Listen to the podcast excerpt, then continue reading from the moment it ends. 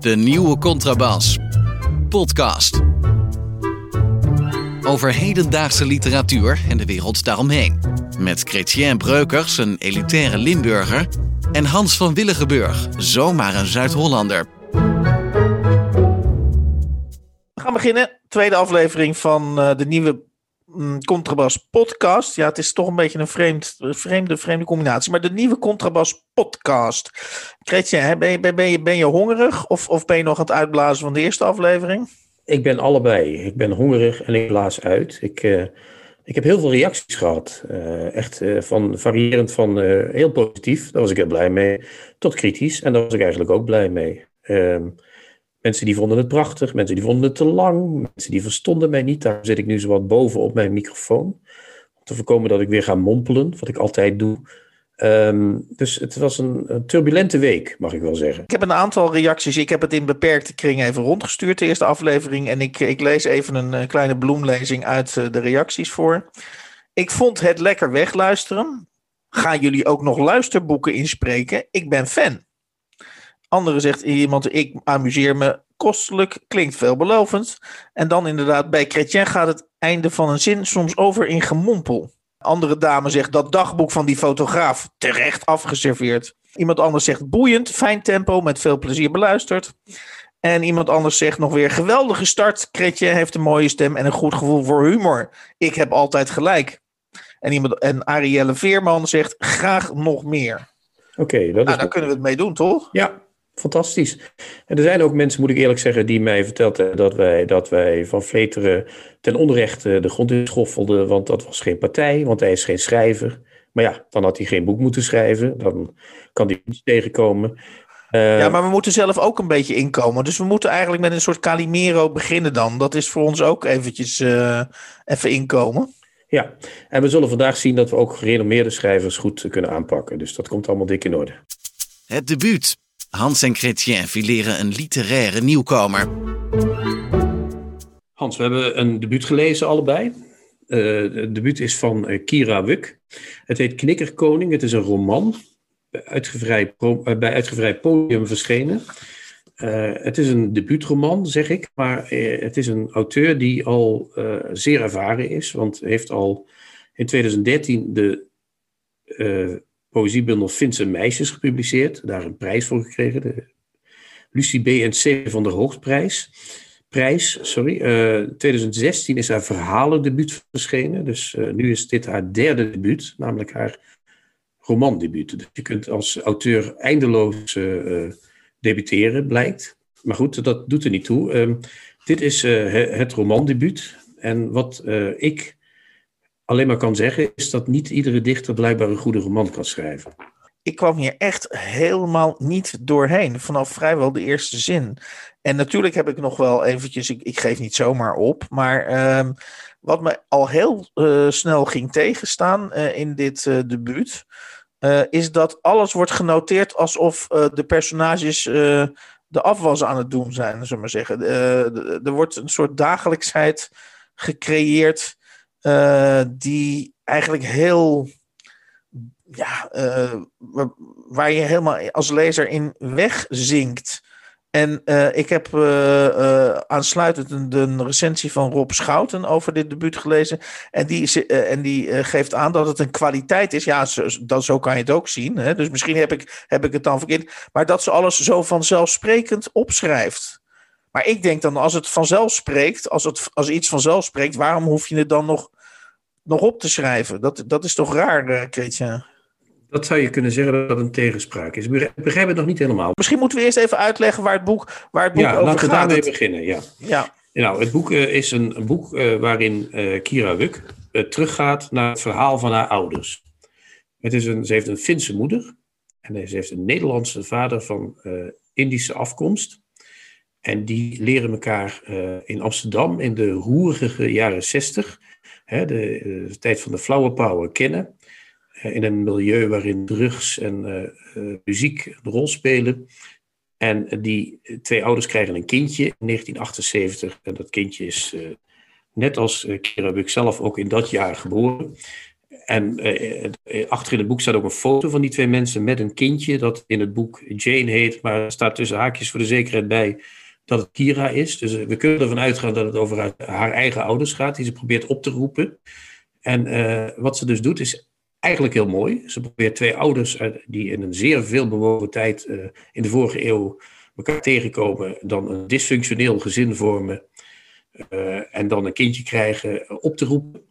En dat doet ze op een enorm teruggetrokken, platgeslagen manier, die ook nog goed kan werken, want je hebt heel veel schrijvers die daarmee prachtige boeken maken.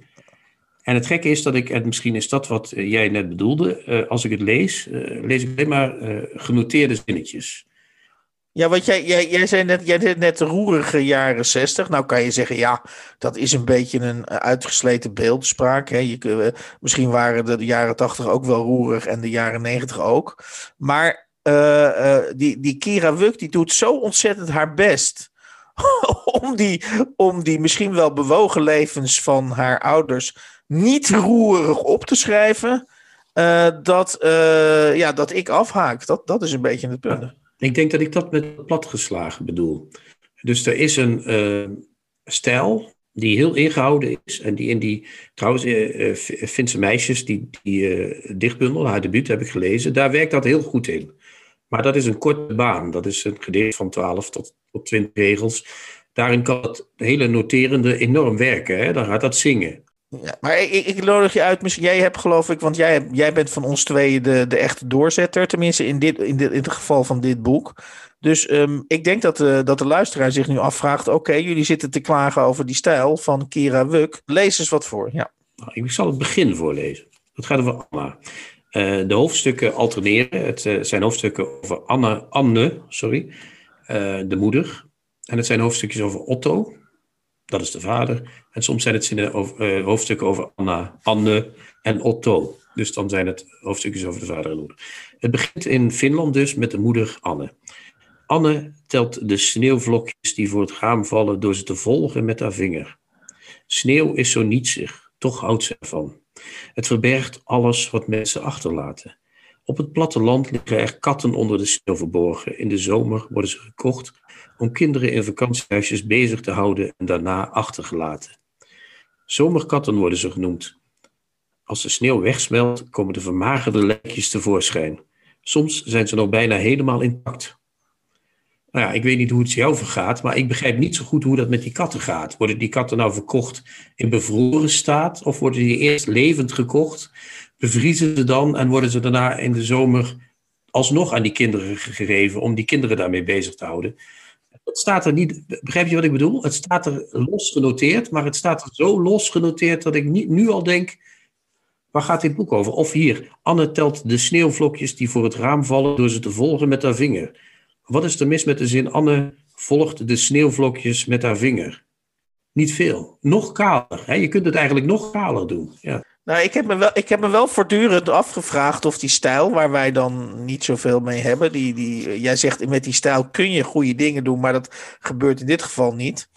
Of dat dus inderdaad met haar, eh, met haar met, eh, eh, mijn associatie is dat het dan misschien iets met haar Finse roots te maken heeft. Want ik heb ooit in een ver verleden begrepen dat als je bijvoorbeeld uh, in Finland, als je met een vergadering, uh, zeg maar met vier mensen rond een tafel zit en er valt een stilte van twee minuten, dat, uh, dat dat helemaal, dat het als ehm, ja, ongebruikelijk of als eigenlijk not done wordt ervaren, althans in Finland, om zo'n twee minuten durende stilte dan te gaan, gaan met allerlei small talk te gaan zitten op, opvullen. Dus stilte zijn in Finland schijnen heel geaccepteerd te zijn. Dus misschien is deze stijl, die, die, die, best, die best een beetje associaties oproept met koud en kil en cool, is, dat, is dat iets Fins? Ja, het klinkt misschien een beetje kort door de bocht, maar maar dan zou je nog, als je dat doet, zou je zeggen, want ik ben, ik ben ook één keer in Finland geweest. Uh, dat is niet veel, geef ik toe. Maar toen uh, waren zelfs mensen in de bus, uh, zeiden niets tegen de buschauffeur. Dat is mij het meest bijgebleven. Die gooide het geld gewoon op de, op de toonbank. Hier, alsjeblieft.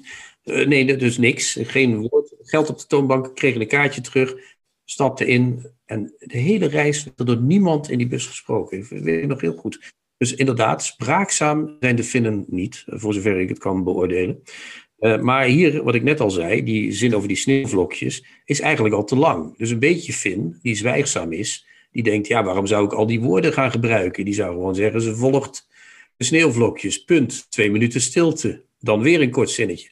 Uh, ik zou een ander voorbeeld willen noemen, de, de, de, de schrijfster Rosa Lieksom, een, een uh, uh, Finse schrijfster, ultrakorte verhalen, ook met een, een kurkdroge stijl. En die die schrijft iets op van de boer loopt naar de schuur, haalt een touw tevoorschijn en hangt zich op. Zijn vrouw vindt hem drie weken later.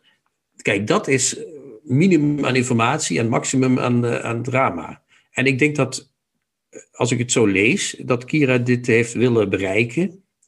Maar dat dat helaas verzand is in toch iets te veel uh, mededeelzaamheid. Als je het boek openslaat uh, en, en, en, en, en, en je kijkt dus dan achterin, dan zie je dus die familiefoto's, die je dan op dat moment natuurlijk nog niks zeggen. maar dan krijg ik al zo, dan krijg ik al zo'n beetje ik, ik hou daar, ja goed, dat is een heel persoonlijk iets, maar ik hou daar niet van dat ik, dat ik, op, dat ik gelijk al met foto's word, word, word, uh, word lastiggevallen. En dan, dan heb ik dus een beetje het idee dat ik een familiealbum ga, ga binnenvallen van, van mensen die ik helemaal niet ken. Dus, dus, dus, en vind ik dat eigenlijk, die foto's vind ik dus eigenlijk gevoelsmatig al een zwaktebod. Maar ik word daar niet warm van, uh, van, van foto's in een boek. En zeker niet in een, in, en zeker niet in een roman. Nee, nou ja, ze noemt het roman. De uitgever noemt het roman, vermoed ik, want dat is uh, de beste term om een boek nog überhaupt uh, de boekhandel in te krijgen.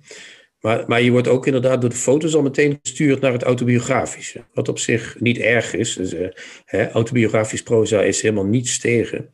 Maar noem het dan gewoon poging om mijn ouders te benaderen. En dan is het een memoir, zoals dat in Amerika uh, heet. En in Nederland ook tegenwoordig. Dus, dus noem het dan gewoon een memoir. Ik probeer mijn ouders te benaderen. En, en doe dat ook. Maak er geen verhaaltjes om. Uh, het, het, dat is een beetje uh, maak er niet. probeer ze dan echt te benaderen. Ga er niet omheen zwammen, wat eigenlijk is wat ze doet op dit moment. Uh, maar maakt er echt een mooi verhaal van. De stijl is dus erg uh, afgebeten, erg minimalistisch. Uh, hè, die, die, die, dat milieu waarin haar ouders dus ook Kira concipiëren, dat, dat is een soort krakersmilieu, ook met, met waar, waar regelmatig drugs worden gebruikt. Maar ja, laat ik het zo zeggen, de manier waarop ze dat dus beschrijft, uh, had bij mij geen ander effect dan dat ik mijn schouder erover ophaalde. Dat ik dacht, ja, je kunt, je kunt ochtends gaan voetballen. Je kunt uh, naar voetbal gaan kijken. Je kunt uh, gaan, gaan winkelen. En je kunt de spuit in je, in je arm zetten. Ja, wat, wat, wat maakt het voor verschil? Nee, de stijl is, het is, het is een boek met. Het, het is een boek wat, als ik het zou moeten samenvatten, alles mee heeft om een mooi boek te kunnen zijn. Het is een interessant verhaal uit een interessante tijd. met mensen die je, als je die uitdiept, interessant kunt maken. En uiteindelijk blijft er niks over dan uh, een aantal korte hoofdstukken waarin de auteur uh, zoveel distantie neemt dat er alleen nog maar het gevoel over is bij de lezer. Schiet eens op en maak er moois van. De kibbel.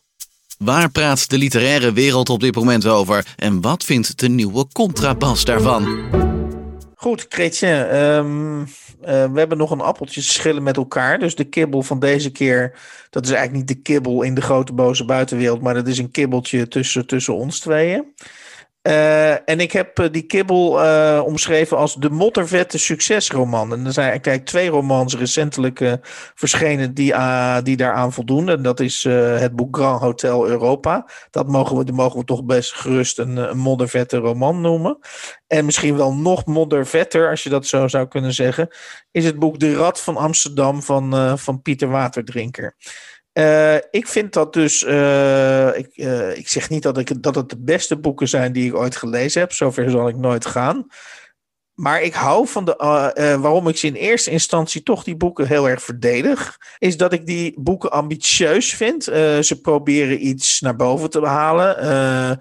Ehm, en iets, iets, iets groots over deze tijd te vertellen. En dan kun je zeggen, ja, dat, dat, dat, dat, dat boeit mij niet. Of uh, dat vind ik te, te dik aangezet. Of, of, of te veel op, op, of te commercieel van opzet. Maar ik ben heel blij dat die romans geschreven worden. Want ik moet er niet aan denken. We hebben vorige week uh, Lisa Huiszoon uh, besproken. Zeg maar het telefoonboek Plus. een soort modernistisch experiment. Dat vond ik best aardig, maar ik moet er echt niet aan denken dat de hele literatuur uit dat soort boeken gaat bestaan. Ja, dat is, dat is fijn dat je dat niet wil. En uh, dat begrijp ik ook wel. Maar gelukkig zal de literatuur nooit uit één soort boeken bestaan. Want dan zou bijvoorbeeld ook het, uh, het, het, gruwelijke geval zich kunnen voordoen dat we alleen maar boeken van, uh, van het soort Grand Hotel, Grand Hotel Europa of de Rad van Amsterdam zouden hebben. En dan zou de literatuur er ook niet beter aan toe zijn. Maar ik, ik, ik, ik, ik, pak even één woordje eruit, wat je altijd, en dat zeg je altijd tegen mij als we over dit soort dingen hebben, dat die boeken ambitie hebben. Hè? Ze willen iets over de tijd zeggen. Dat we, we hebben de ambitie om iets over deze tijd te zeggen. En ik vind dat als boeken dat moeten doen, dan dat zeg ik altijd niet. Af. Ik zeg niet dat dat moet. Nee, dat maar wat, wat ik wel, eh, allemaal je even sorry te onderbreken, maar eh, wat ik, wat ik wel zeg is dat heel veel mensen willen weten in wat voor tijd ze leven. En die, vinden dus een, en, en die worden dus aangetrokken door boeken die een poging doen om, dat, eh, om de tijd waarin ze leven te duiden. En dat doen volgens mij deze twee boeken. Maar dan kun je ook de krant lezen, zou ik zeggen. Maar goed, we, laten, we, laten we eerst even inzoomen op het feit wat literatuur zou moeten doen. Hè? Moet, moet literatuur moet literatuur überhaupt iets doen? Uh, misschien hoeft literatuur wel helemaal niks te doen.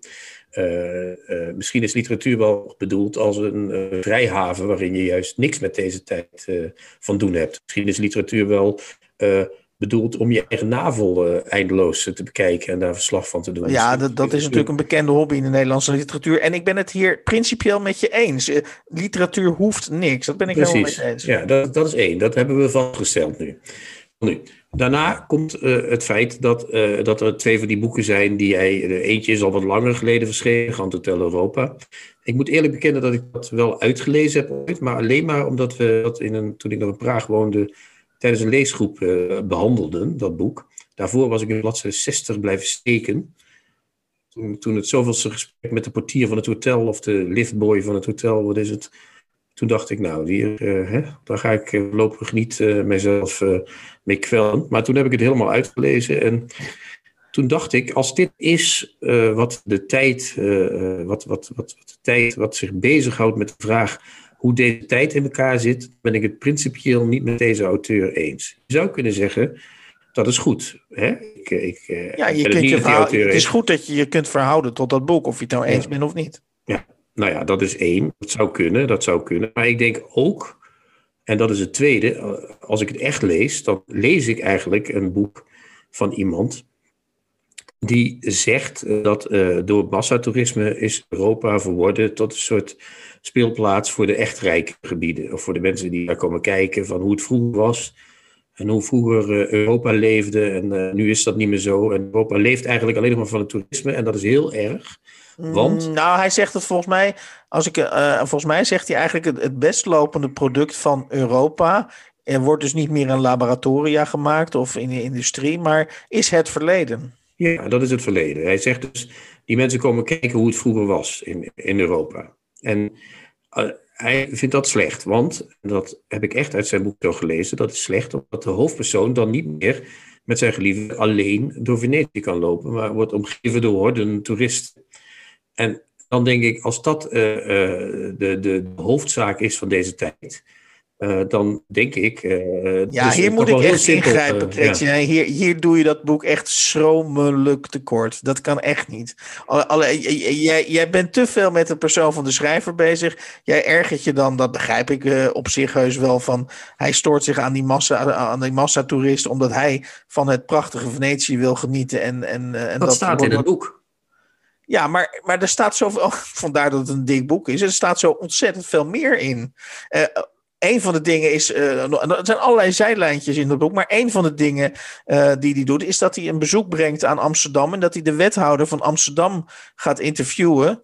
over uh, waarom die stad zo ontzettend blij is met dat massatoerisme. En, en, wat die stad daar nou uiteindelijk aan heeft. En dan kun je natuurlijk zeggen van ja, dat, het moet geen politiek boek worden. Of dat is wel een heel erg prozaïs. Maar ik vind dat hij daar een hele goede achtergrond geeft over uh, de, de, de, absurde gronden waar, op, waarop de politiek dus die toeristen, die, hele, die massa massa's toeristen blijft verwelkomen. Want hij, hij maakt in dat boek duidelijk dat dat per saldo aan de stad Amsterdam helemaal. Uh, de, dat kost ze alleen maar. Het, het kost ze niet alleen geld, maar het kost ze uiteindelijk. Als er maar genoeg lenzen blijven lopen. Uh, uh, gaan die, storten die grachten. Misschien overdrijf ik nu een beetje.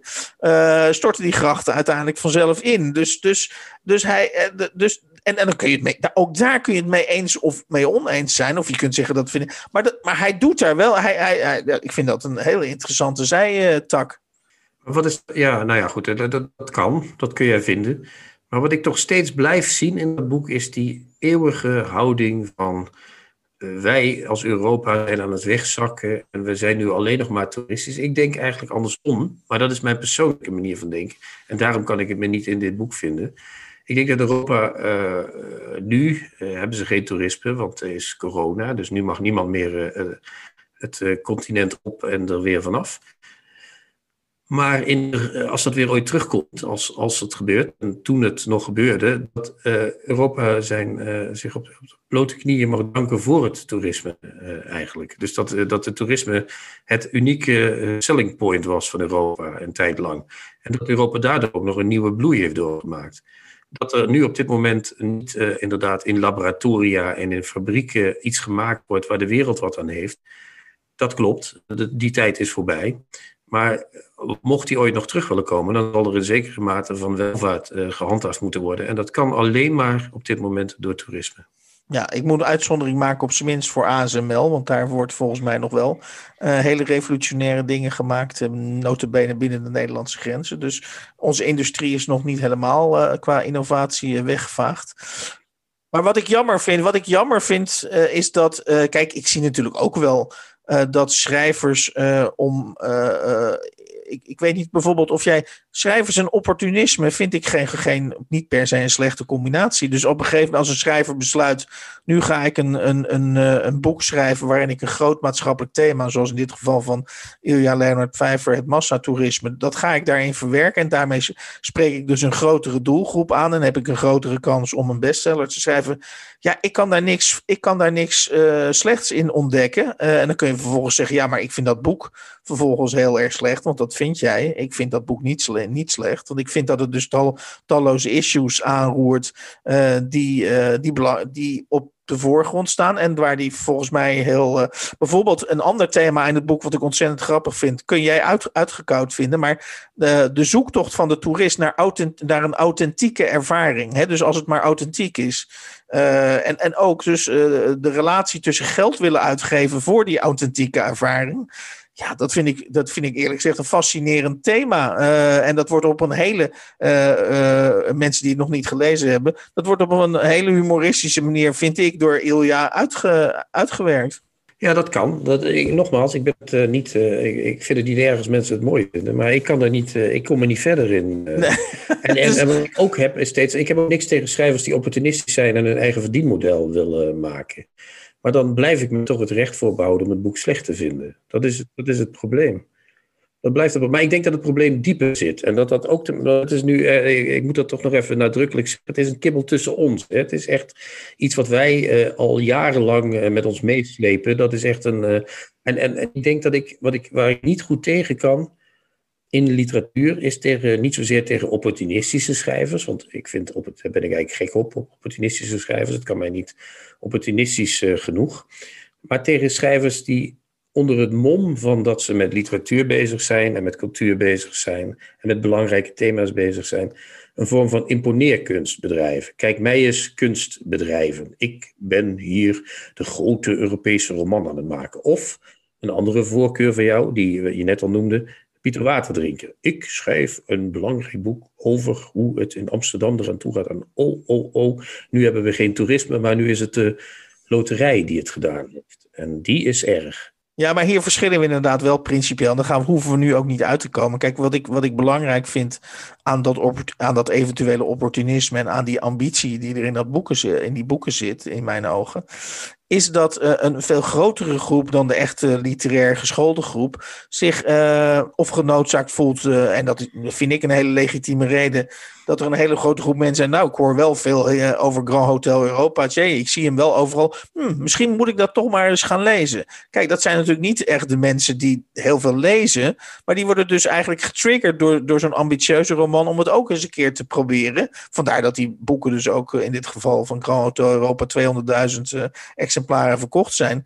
En dat vind ik dus, dat vind ik dus in zichzelf echt te prijzen dat de literatuur door zo'n misschien opportunistische, al te ambitieuze roman zichzelf überhaupt weer op de voorgrond uh, weet, weet, te zetten. Want uh, ik vind het een prestatie dat ik denk dat miljoenen Nederlanders die titel nu kennen en weten ongeveer wat voor boek dat is. En die hebben dus nu een beeld bij Ilja Leonard Vijver. Nou, ik vind dat in zichzelf een heel belangrijk gegeven dat literatuur nog een rol speelt in, dat in dat bewustzijn. Ja, ik, ik krijg daar een soort hersenverweking van, dit soort redeneringen. Dat is, uh, dat is mijn uh, persoonlijke reactie. Um, kijk, dat literatuur zich daardoor een bewustzijn, dat weet ik niet. De, Ilja Pfeiffer komt daardoor in het bewustzijn van mensen. En Ilja Pfeiffer heeft een boek en heeft dan een podium verder. Maar of dat literatuur is wat in de mensen hun bewustzijn komt, dat weet ik niet. Ik denk dat het dan gewoon is, de bestseller moet gelezen worden. En dat geeft niet, maar dat heeft niks met literatuur te maken. Dat denk ik eigenlijk. Oké. Nou, het laatste, eh, en dan, dan eh, moeten we denk ik langzaam afronden. Uh, wat ik over deze roman, of in ieder geval over de moddervette succesroman Grand Hotel Europa. Want we zijn eigenlijk nauwelijks toegekomen aan die andere grote roman van Pieter Waterdrinker, De, de Rad van Amsterdam. maar de, in, in, in, Grand Hotel Europa speelt. Um, de hoofdpersoon die wordt op een gegeven moment half ergens in het begin van de roman komt er een filmploeg en die gaat, de, en die gaat de, uh, een documentaire maken over de hoofdpersoon. En alleen al uh, de passages over die filmploeg en de interactie tussen, tussen de schrijver en die filmploeg, die is zo ontzettend komisch uh, opgeschreven dat ik het alleen al voor, voor, voor die verwikkeling, voor dat lijntje, uh, dat boek al, uh, al, al 400 pagina's met grachten, de rest is ook goed, vind ik, heb doorgelezen. Dus ehm, ja, ik, kan er, ik kan niks aan doen, Kretje. Ik vind het een mooi boek. Ik denk dat we, de, de, dat we daar inderdaad op zullen moeten gaan wisselen. Jij Jij bent uh, degene die vindt dat uh, als er maar 200.000 mensen achter een boek aanlopen, dat het dan goed is. Ik vat het misschien een beetje ruw samen, Hans. Correct me if I'm wrong. En ik ben degene die zegt, alle mooie, alle, het is mooi en aardig, maar dat succes, dat moeten we nog maar eens even zien of dat wat is. Moet je horen. Hans leest een favoriete passage voor uit een boek dat hij onlangs gelezen heeft.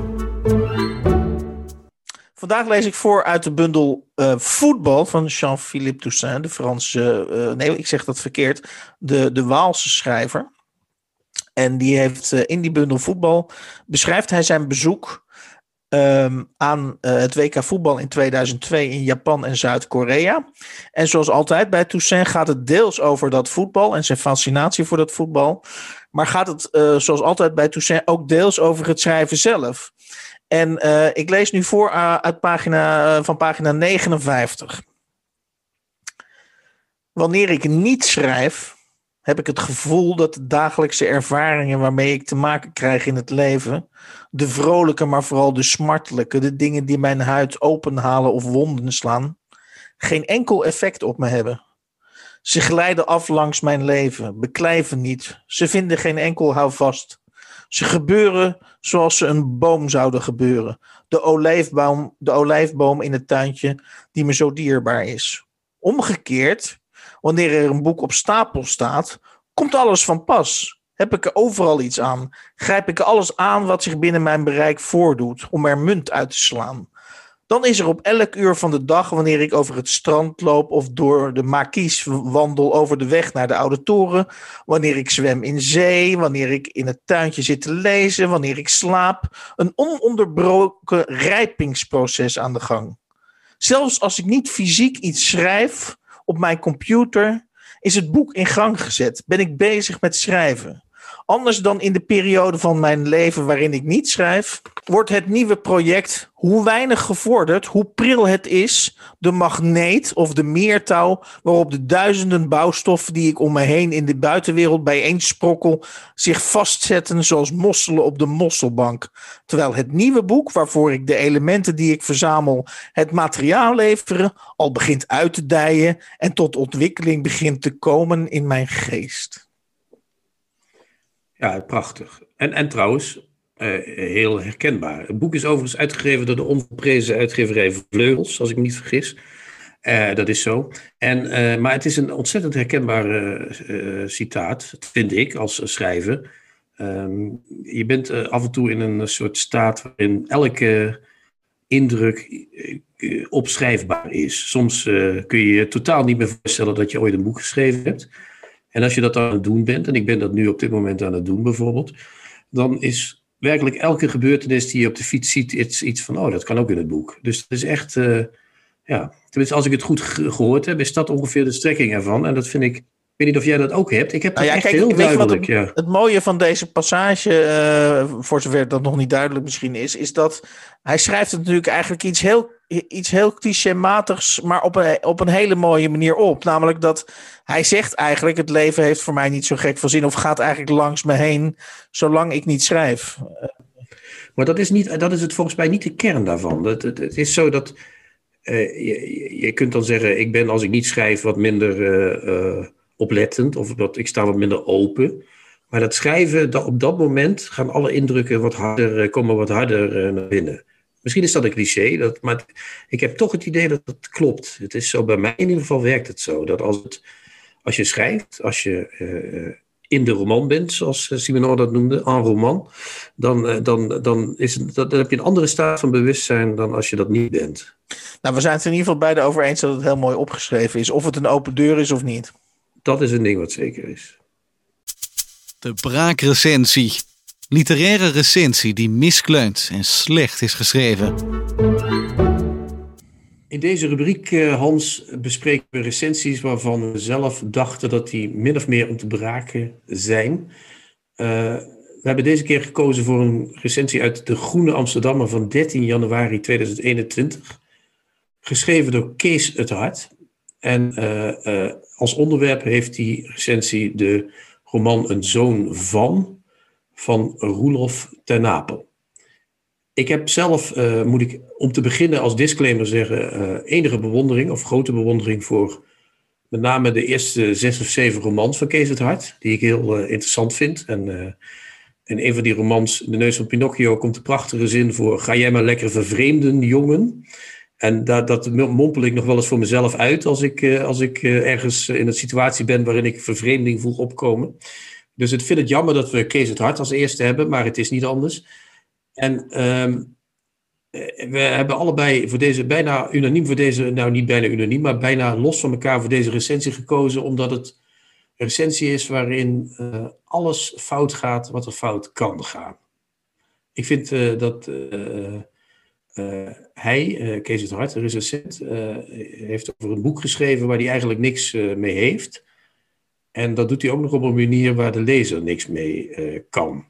Wat vind je? Ja, ja ik, ben, ik, ik denk, de, het rare van die recensie is, en ik ga zo wel een beetje ook een paar citeren, is dat hij volgens mij uiteindelijk heeft hij wel wat met dat boek. Maar hij, maar ja, wat, wat mij als lezer enorm, enorm, ja, waar ik, ja, ik weet niet, hij zegt dus eigenlijk dat boek is, is, is als het al een kwaliteit heeft, dan is de kwaliteit wat er niet, wat er niet staat. dus, dus hij gaat dan op een gegeven moment zeggen: de, geen beschrijvingen van lengte, haargroei of kleding, geen hoogdravende uitbarsting, geen krachttaal, maar stiltes. Weet je wel, dat ik denk, oké, dat, dat staat er dus allemaal niet. Uh, en en, dan, en, en, en waar, waar ik echt uh, heel allergisch op reageer, is die hele gereformeerde ondertoon. Daar zit een soort raar oordeel in dat als je wel iets over de kleding zegt en wel iets over haargroei en wel iets over lengte, dat je dan dus eigenlijk een, dan ben je een een of andere vervoerlijke schrijver die met banaliteiten bezig is. En de kwaliteit van Roelof ten Napel is dan dat hij dan niet over lengte, haargroei en kleding schrijft. Ja, maar hij zegt hier dat, dat ja, hij zegt hier in die recensie letterlijk geen typeringen en toch zie je ze voor je verschijnen.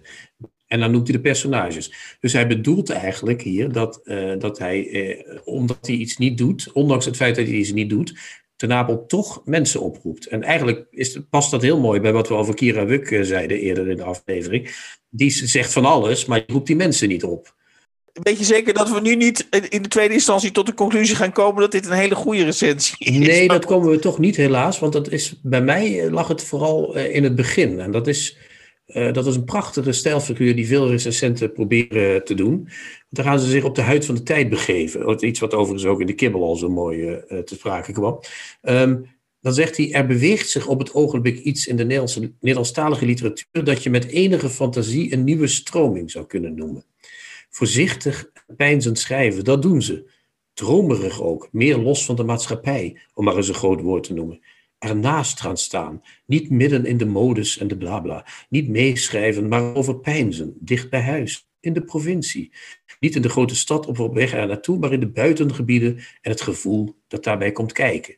Dus hij probeert hier, en dat is echt, dat is echt vind ik, een recensente valkuil.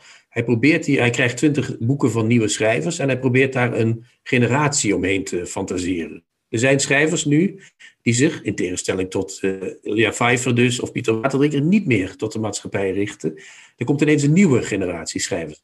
En die doen iets, en die, die, die pijnzen. Maar dat doen alle schrijvers. Dat doen alle schrijvers van alle tijden, weet je wel. Dus dat is al een valkuil waar die meteen voorover inknikkert.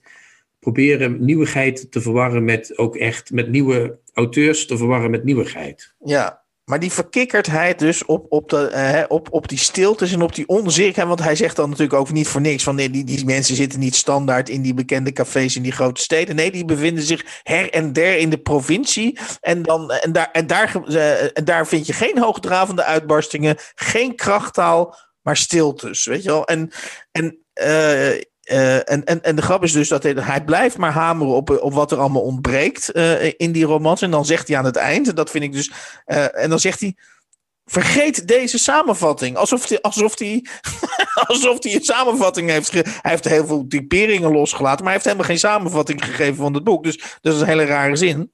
En dan zegt hij vervolgens: lees. En, en, dan gaat, en dat vind ik helemaal erg. Dan gaat hij vervolgens gaat hij uh, bevelend gaat hij, gaat hij zeggen hoe we het boek moeten gaan lezen. Dan zegt hij: lees de roman alsof je voor het eerst literatuur leest. Hoe doe je dat? Nou ja, laat maar zitten. Als een uitvinding ervan. Als iets volkomen nieuws dat nog verder gaat groeien. Zoek de ruimte op tussen de zinnen en de woorden. Ga mee met de voorzichtigheid ervan. Denk mee. Le lees zinnen vaker. Blijf opletten. Laat je meeslepen. Veeg het stof van je gezicht. Kees, kom op. Wat is dit? Uh, ik ben voor, het helemaal met je eens. Hans, ik, bepaal zelf. En als ik al die stil, als ik naar al die stiltes, alsof ik naar al die stiltes en dat gebrek aan krachttaal nog zin heb om uh, ruimtes te gaan zoeken in zinnen. Ja, ja, ik ben het echt helemaal met je eens. En wat ik ook vind, is dat wat, en dat doet Kees, in de, eh, Kees het Hart in deze recensie dus te veel. Hij begint met inderdaad het schetsen van een generatie, dan wat het boek niet is. Dan zegt hij, vergeet deze samenvatting. En dan zegt hij ook nog, wat je net voorlas, iets lees die literatuur nou zo. Dat is hoe je alle literatuur moet lezen. Namelijk aandachtig en uh, terugkijkend. En dus eigenlijk heeft hij, als je de som opmaakt, aan het eind van de recensie 0,0 gezegd. En daarom uh, is dat een recensie om helaas uh, in deze rubriek naadloos te passen. Tips van de week. Boeken, artikelen of pamfletten die boven het maaiveld uitsteken. Deze week heb ik twee tips te vergeven. En de eerste tip die ik heb is uh, uh, de roman Asan van de Russische schrijver Vladimir Makanin. En die is verschenen bij de Arbeiderspers in de reeks Oorlogsdomein. Uh, we kennen allemaal de reeks, of velen kennen de reeks Privédomein, maar er is ook een reeks Oorlogsdomein. En dat zijn dus allemaal oorlogsromans. ik geloof dat ook Curcio Malaparte heeft daar in die reeks twee boeken zijn van hem verschenen. En waarom ben ik enthousiast over Asan van Vladimir Makanin? Um, nou, het gaat eigenlijk, of het gaat niet eigenlijk, het gaat over de Tsjetsjeense oorlog. En dat is een oorlog die weliswaar uh, door de journalistiek in Nederland verslagen is, maar die inmiddels eigenlijk alweer bijna vergeten is. En deze roman trekt je volkomen in de gewetenloosheid van, van die oorlog. Ehm, ehm, wat, wat gebeurt er aan het begin van de roman? Dat neem ik even als, als voorbeeld. Is dat er een groep Russische recruten landt op een, op, een, op een militair vliegveld in Tsjetsjenië. En de, alleen al de manier eh, de lichaamstaal, uh, zoals Makani die beschrijft, van die, van die recruten, die gaat al door merg en been.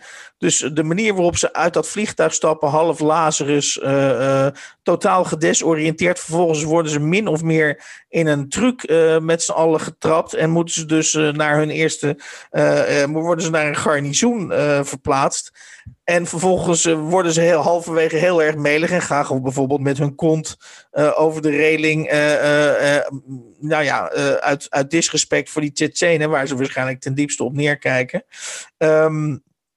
Uh, en dat wordt dus op een dusdanige manier beschreven. Eigenlijk kun je die, die roman Asan van Vladimir Makanin. Eigenlijk brengt hij je um, ja, qua moraal, qua, qua uh, setting. helemaal eigenlijk in een, in een. Het is een moderne variant van Louis Ferdinand Céline.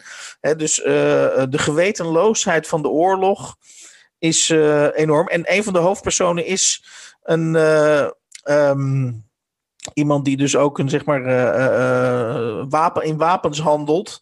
En er, er, geen enkel probleem mee heeft dat als de Tsjetsjenen wat wapens nodig hebben en hij heeft toevallig geld nodig, die die wapens met een gerust hart gewoon naar de tegenpartij verhandelt. Nou ja, om maar even aan te geven dat de gewetenloosheid geen grenzen kent in het boek. Ik kan het dus van harte aanbevelen voor mensen die, uh, over een, een, ja, die, die het leuk vinden om over een verschrikkelijke oorlog en slechte mensen uh, en, en, en volledige willekeur te lezen.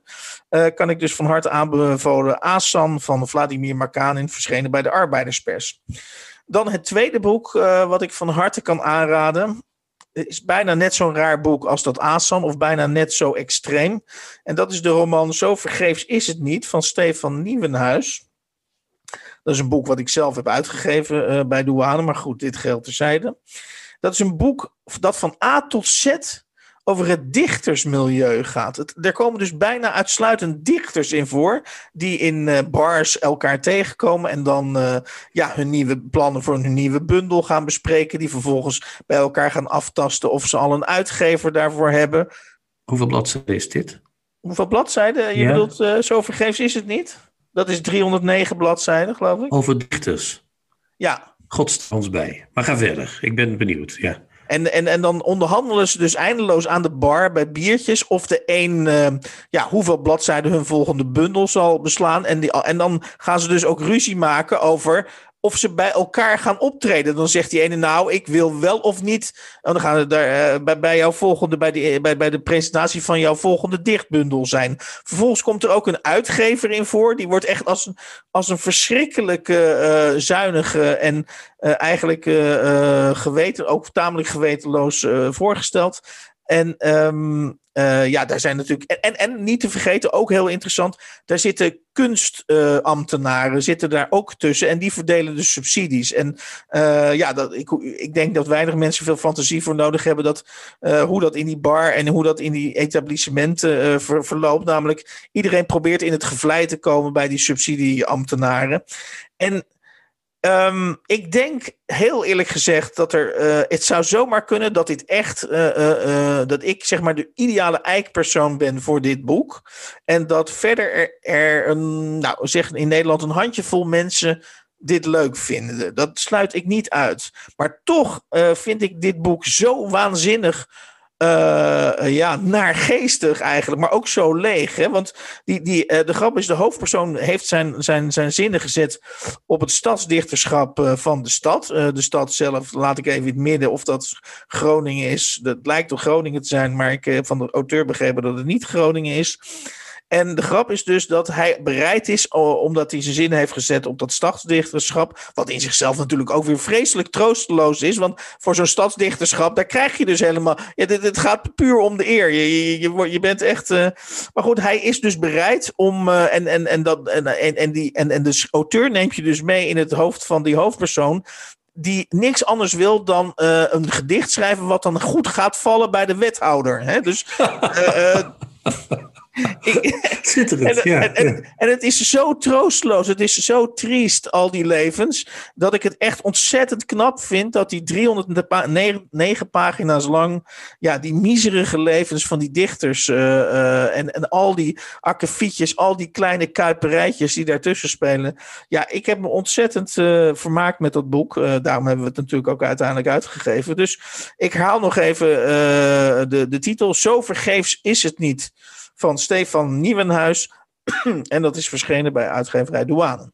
Mag ik daar iets over vragen nog, Hans? Ja. Uh, aan het eind van deze rubriek. Uh, want ik vind het... Uh, ik, ik was niet van plan om te lezen, moet ik eerlijk zeggen. Hè? Dat, dat, ik heb dat voorbereid toen jij vertelde dat je die tip gegeven. Maar nu je erover verteld hebt, denk ik dat die handvol is uitgebreid tot zes vingers. Dat ik de zesde vinger ben. En ehm, het, het, is dus een soort zedenschets, als ik het zo begrijp. Absoluut, absoluut. Ja. Ja, We staan nu, jammer genoeg, nemen we de dag voordat de nieuwe dichter des Vaderlands bekendgemaakt wordt, morgen op. Dus morgen wordt de nieuwe dichter des Vaderlands bekend. En dat gaat natuurlijk niet uh, anders dan door stadsdichterschap. Dat gaat ook met gekonkel en gekuip uh, gepaard. Dus we kunnen dat helaas niet bekend. We kunnen dat alleen nog maar in de. Ja, maar het leuke, het leuke van dit boek, het leuke, kijk, zo'n zo natio, de dichter des vaderlands, dat, daarvan kun je eigenlijk zeggen, nou ja, dat is misschien nog wel een relevant podium. Als je, als je dichter nou, des vaderlands bent, dan je zou, bij, je zou met een beetje goede wil kunnen zeggen, dan ben je ook nog wel iemand.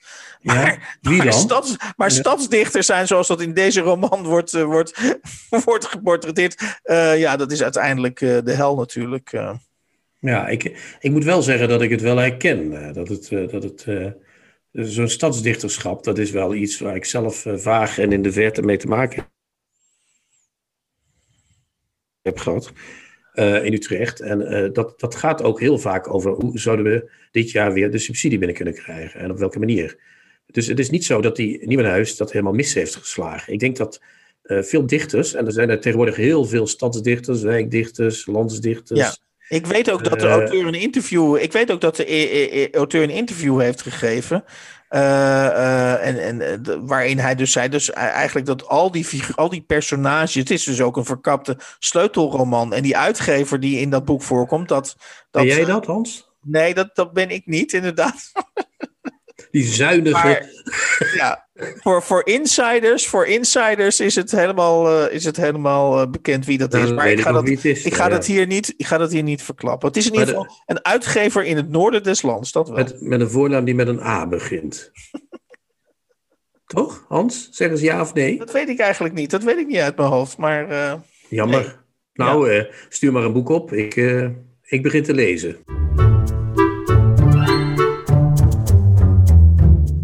De nieuwe Contrabas podcast wordt gemaakt door Chrétien Breukers, Hans van Willigenburg en Erik Lindenburg.